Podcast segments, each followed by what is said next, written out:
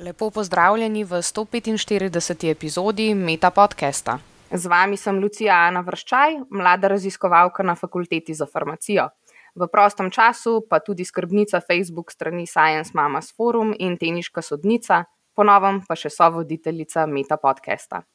Današnji gost je Andrej Šterman, ki je prejšnji mesec zaključil z doktoratom na fakulteti za farmacijo. Živijo, Andrej, kako si? Zdravo, ja, super sem, lepo je doktorirati. Verjamem, ja, tega se pa vsi veselimo. Prosim te, če se nam najprej malo predstaviš. Moje ime je Andrej, eh, prihajam po rodu iz Radencev, to ni prekmorja, tako kot mnogi mislijo, ampak zdaj živim v prekmorju. To, to po izobrazbi sem farmaceut, eh, potem sem pa delal tudi doktorat iz farmacije. Ok, kako pa si se odločil za študij farmacije? Uh, v šoli mi je dobro šlo, pa sem mislil, da bi šel študirati nekaj naravoslovnega, in dejansko dolgo nisem vedel, kaj je kemijo, nekaj v zvezi s kemijo. Pa sem šel na informativne od kemije, pa mi niso bili všeč, pol popoldne pa bil še en termin na farmaciji, pa sem šel tisto, tam pa mi je bilo super. In sem čisto tako se odločil. In je pa tudi fajn, ker je to en tak, uh, en tak splošen študij, se mi zdi, uh, ki ti da eno osnovo za vseh teh naravoslovnih znanosti in pa lahko s tem delaš marsikaj. Potem magisterij si pa delal iz česa?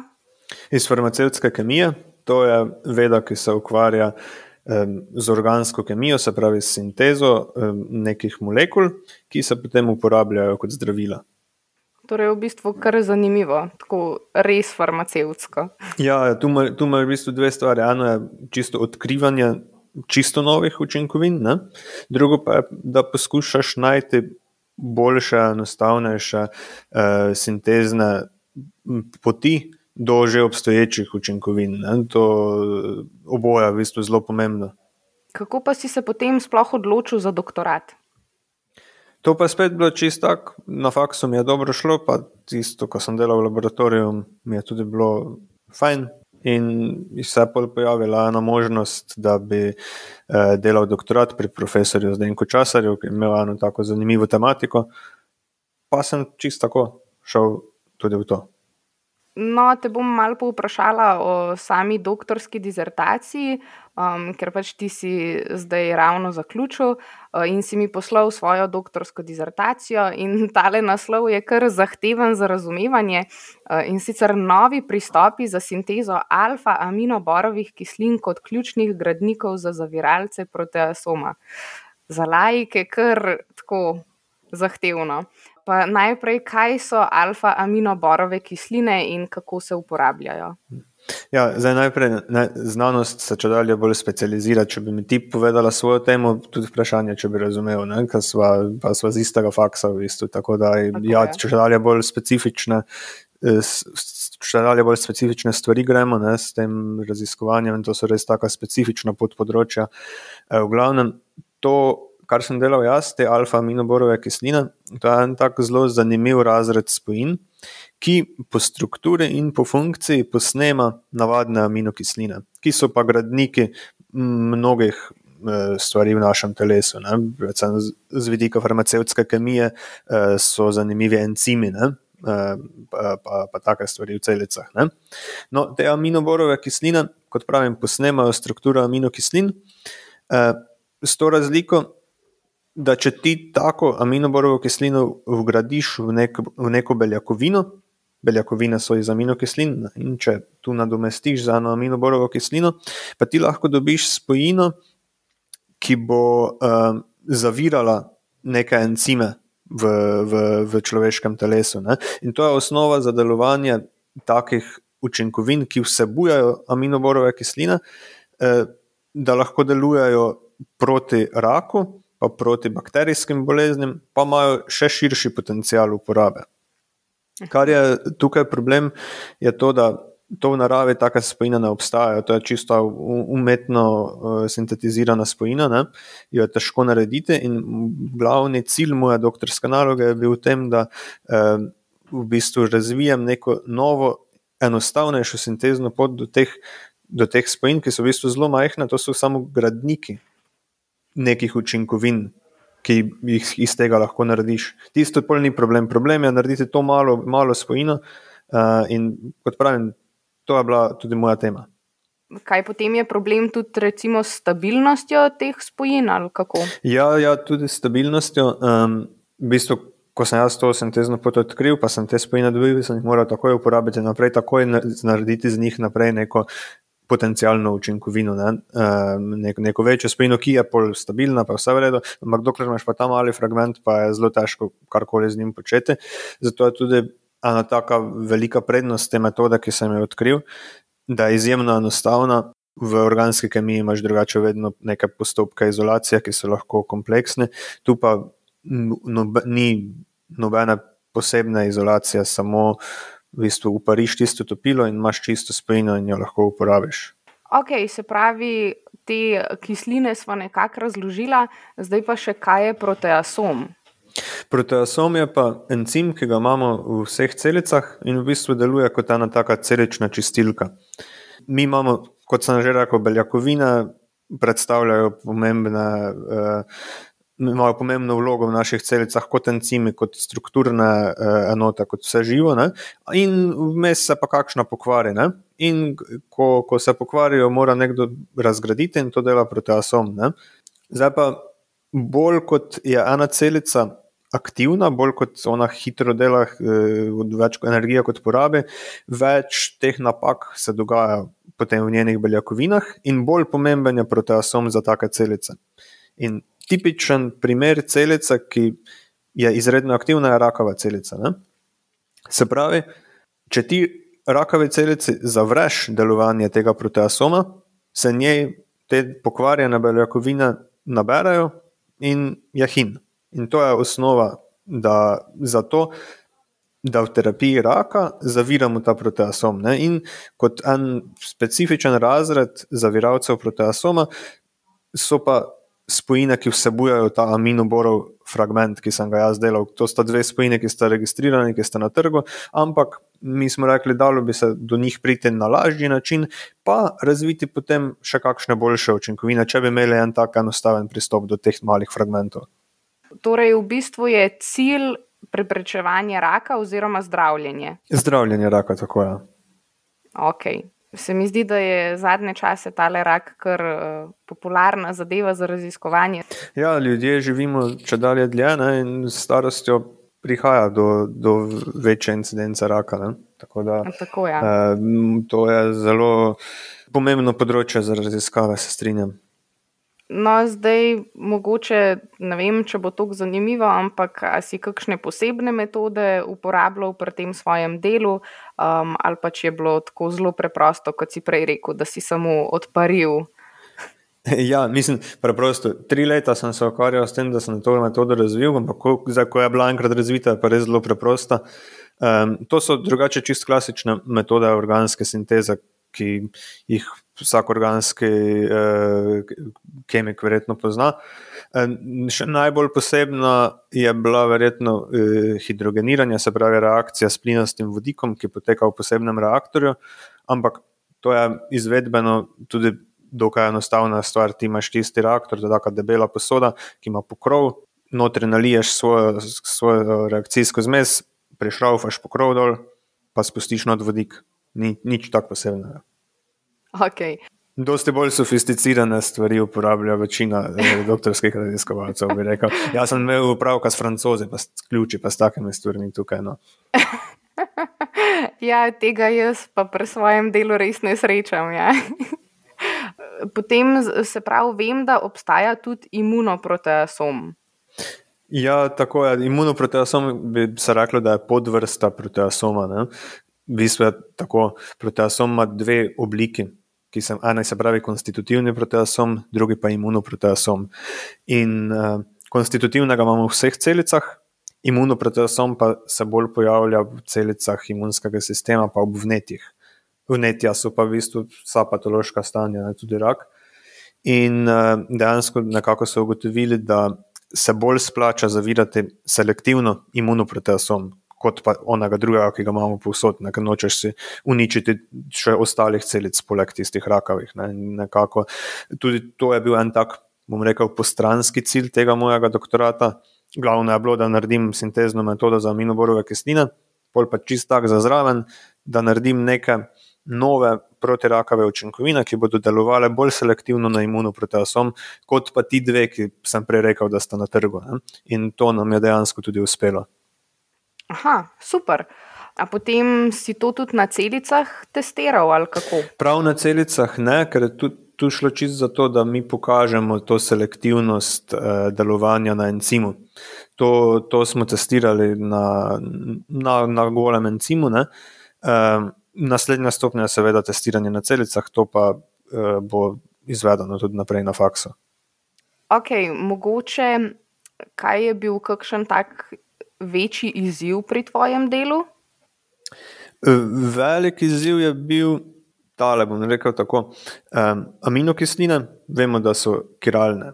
Ne, e, veliko, veliko spojin v naravi je kiralnih, se pravi, da ima to možnost optične izomerije, da nastopa kot S in kot R enantiomer. Ne. To pomeni, da se v prostoru ti dve molekuli med sabo razlikujete v prostorski razporeditvi teh skupin, ki so vezane na nek atom. Ne? Uh -huh. Drugače, po kemijski formuli sta enaki. Ne? In uh, kar so aminokisline kiralne, in če z aminoborovimi kislinami mi njih želimo posnemati, morajo biti tudi aminoborove kisline kiralne. In mislim, kiralne itak so optično čiste. To, to morajo biti. Ne? Se pravi, da imaš res samo tisti en pravi enantiomer, ne, ne, pa, ne pa mešanica obeh. Ne? In to bi rekel, da je bilo nekako najtežje razviti, ker je to v bistvu tako. To je tak razred spin, ki, ki je redek, ki ne obstaja ravno veliko metod, ki bi že bile opisane v literaturi, in da bi lahko videl, kaj so oni uporabljali, da so eh, dosegli to enantioselektivnost, se pravi to, da so dobili samo en izomer. To, to, to je bil v bistvu največji izziv. Pa v bistvu se mi zdi, da je nekako tvoje delo pomembno že samo iz tega sinteznega vidika in kako pač uspemo te spojine narediti, kot tudi pač z tega vidika, da to uporabimo naprej za zdravljenje.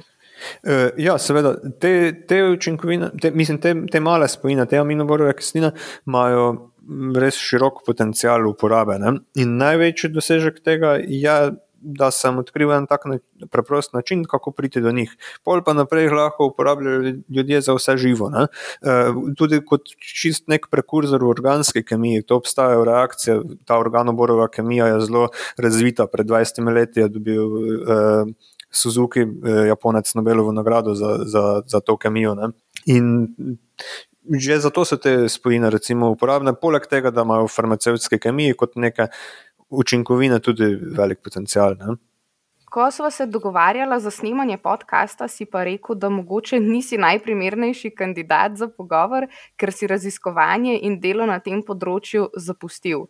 Pa se mi zdi, da so take situacije bolj izjeme. Te moti, če te o tem malo vprašam, kako da si se za to odločil? Ja, ne, seveda, se z veseljem razložim. Ja, mislim, z vidika promocije znanosti, mogoče to ni, ni najboljše, eh, če, če tako povem, ampak v bistvu gre tu čisto za neke osebnostne lastnosti, kaj ti odgovarja v življenju, kaj bi rad počel. E, veš, meni je v šoli dobro šlo in sem, in pol sem šel delati doktorat, ne? ampak pol. Mhm. To, kot pravim, ne, nekomu recimo, lahko zelo odgovarja to, da dela v laboratoriju, da ima tam svoj mir, da, da izvaja te eksperimente, ne, da raziskuje, manj pa je to dolg čas. Jaz pa, mhm. imam, jaz pa sem rad med ljudmi, rad imam, da se mi nekaj dogaja. Ne. To je ena stvar, druga stvar je, da je, eh, znanost, da je znanost zelo slabo plačana, glede na eh, vložek, ki ga moraš v to vložiti. Ne. To je eh, bila ena zelo odmevna izjava, ko se je začel eh, koronavirus. Ena španska raziskovalka je rekla, da eh, ja, nogometaša plačate milijon, pa nekaj milijonov na mesec, znanstvenika pa Jurija pa polne, da pa vam naj mesi pa Ronaldo najdete cepivo. Uh mhm. -huh. In tu, tu te mora, mislim, jaz res spoštujem ljudi, ki so znanosti predani, ki jih to tako veseli, da so pripravljeni temu posvetiti svoje življenje. Vem, da so to zelo zauzeti ljudje in uh, nadarjeni ljudje. Ne? Jaz pa nisem tak -huh. in sem si našel eno drugo uh, karierno pot, ki me vsaj zaenkrat izjemno veseli. Mislim, ja, tudi to je pomembno. Se mi zdi, da premalo tudi govorimo o tem, da ni treba ostati v tisti neki uh, ternici, ki si, si jo na začetku začrtu, če pač te življenje odpele pol nekam drugam, mogoče nekam, česar se bolj veseliš. Tudi. Ja, seveda, eh, zaradi ene napačne odločitve ni treba potem več časa ostati v tem. Je pa vsekakor to tudi neka prednost, če si bil v tem, si dobil neka znanja, ne? tudi če greš nekaj čisto drugega, nekje bo to tudi uporabno. Tako, ja. Zdaj pa moram te vprašati tudi o tem, ker um, če se ne motim, si bil drugi tekmovalec kviza Joker, ki je s seboj odnesel 20 tisoč evrov. Kako da si se odločil, da se preizkusiš v tem kvizu, pač mogoče sodeluješ pri kakšnih drugih trivija kvizih tudi ali kako? Uh, ja, jaz, ko sem bil majhen, sem zelo rad gledal milijonarja. Um, vedno, jaz sem vedno rad vse bral, vse, kar mi je prišlo pod roke, sem rad bral zemlje, videl sem rad gledal. In mm, to mi je bilo tako veselje, tisti po televiziji sem rad gledal. In sem si mislil, ko sem bil star 8 let ali koliko, ko bom velik, bom pa šel na to. Ne? Pa pol so vmes tako že ukinili. Um, zdaj so pa ti kvizi prišli nazaj, um, vmes sem jih gledal kaj po hrvaški televiziji, um, pa po nemški, pa vse živo. No? In to sem si želel iti in sem šel. Najprej sem šel na milijonarja, no pa še na to. Aha, na milijonarju te pa sploh nisem ujela, tako da to sem zgrešila. Ja, tisto je bilo še prej. Uh, vse tam mi je tudi šlo dobro, pri 11. vprašanju sem izpadal. No. Aha, um, ja, Joker je bil pa ena čist druga izkušnja. Ja, ja, ja. sej Jokerja smo pa, po mojem, vsi takrat pogledali. Ja, lepo, lepo. Sem vesel, včasih me kdo še tako spozna, no, ne, na tržnici pa tako pa mi reče, pa, pa sem vedno vesel. Ali se spomniš kakšne zabavne ali zanimive anekdote povezane s svojim mentorjem, ali pa morda kakšne nenavadne, smešne anekdote, ki se je zgodila tekom tvojega raziskovalnega dela v sklopu doktorata? Ja, um, zdaj ta kemija je taka, da smrdi. Ne? In pa lahko se kaj žge, pa to vse. Ne? In uh, jaz sem imel pač eno reakcijo, čist nekaj te prekurzorje, ki sem jih potem uporabljal naprej, uh, kjer je nastajal kot stranski produkt uh, etantiol. To je uh, v bistvu uh, tako zelo hlapna spojina, ki neznosno smrdi. Uh, v bistvu se dodaja v gospodinski plin zato da ga zavohamo. Ker sam plin, butan, nima vonja. Ne? In se to da zraven, ker to zavohaš v izjemno, izjemno nizkih koncentracijah. Ne? Ni, ni strupeno, ni nič, smrdi pa kot hudič. Ne? In uh, prav vsi, vse v faksu me poznajo potem, da, da to, kar jaz delam, smrdi. Ne? V nekaj posebnih primerih, ko je bilo še posebej hudo, ne? se je vohalo par nastropi više in ko se to dovolj razreče seveda smrdi po plinu. Ne? In so ljudje niso vedeli, ki so bili dve nastropi više, kaj to je, oni so vohali plin, ne? E, so klicali hišnika, hišnik je zaprl napeljavo, ne? in pol niso imeli na vajah, e, niso mogli uporabljati teh gorilnikov, ker ni bilo plina. Ne? Pa je trajalo eno tri dni, da je nekdo prišel mimo, pa da se mu je posvetlil, da, da je to moja in da ne pušča noben plin, je pa res ista spojina, ki, ki smrdi. Ja, ja. torej je vse smrdel, vedno. ja. Okay, kako so se od opisa do danes spremenila tvoja pričakovanja glede doktorskega študija in ali bi se ponovno odločil za doktorski študij? Ja, verjetno že iz prejšnjega, mislim, iz tega pogovora, kar smo ga imeli prej, je jasno, da se ne bi še enkrat odločil. Pristopil sem tako, malo idealistično, verjetno. Meni men je to zanimivo, ne pa tako, da bi to še naprej počel. Ne? E, in uh, tu, jaz rekel, moraš pač malo bolj razmisliti, če, če je to za tebe ali ne. ne? Ja, pa vseeno, v redu izkušnja, ne? pa je to. Če bi imel priliko iti na kavo s predsednikom vlade, kaj bi mu predlagal, da izboljša na področju znanosti? Ja, jaz bi tako rekel, sem se malo že prej nakazal. Ne? Jaz vem, da nimamo neomejeno sredstev za vlaganje v znanost, pa še vse druge stvari, ki so pomembne. Ne?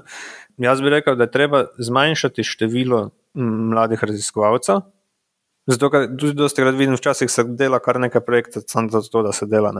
Um, pa niso zanimivi, niso koristni. Pač mhm. to, to se včasih pride tudi do tega. Ne? Zmanjšati število, pa zvišati sredstva za tiste, ki pa ostanejo. Ne?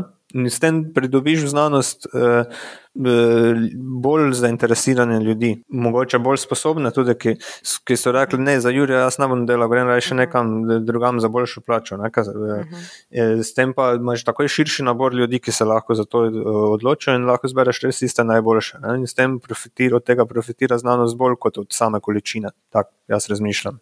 Kaj boš počel čez pet let in kaj čez 40 let? Ja, čez pet let bom v družinskem podjetju, pa če 40, verjetno še vedno. Upam. Ja. Tako starša ne bom. No. Bi drugim doktorskim študentom predlagal kakšno tehniko za upravljanje s časom ali pa morda računalniški program, ki ti olajša delo in ti prihrani čas? Jaz tako mislim, ne smeš delati prevelika znanost iz tega. Uh, jaz sem, ko sem zjutraj prišel v laboratorij, sem si vzel en papirček, pa sem si napisal gor torek, pa sem si napisal ali ne, kaj bom naredil. Sem napisal, da to do devetih mora biti, to tako, to tako.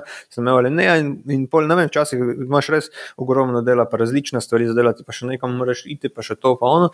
In sem si delal kljukice zraven, sem vedno imel pregled, kaj moram narediti. In to, to mi je v bistvu najbolj olajšalo delo, najbolj od vsega. No? In to, kar dol napišeš, je tako je nekako bolj jasno. Ne? Hvala za ta super pogovor. Ja, hvala tebi za vabilo in srečno na tvoji življenjski poti, kamorkoli te pač odpelje. Ja, hvala. Poslušali ste Meta podcast, podcast, v katerem se pogovarjamo z mladimi znanstveniki in znanstvenicami iz različnih področji znanosti. Podcast domuje na spletišču metinalista.si, kjer najdete tudi druge zanimive znanstvene vsebine. Naše delo lahko podprete z donacijo Metini listi. Pohvale, pripombe in predloge lahko posredujete po e-mailu znanost.afnametinalista.si. Dobrodošli so tudi komentarji na Facebook profilu Metine liste in na Twitterju Metina lista, kjer uporabite hashtag MetaPodcast. Se slišimo čez 14 dni.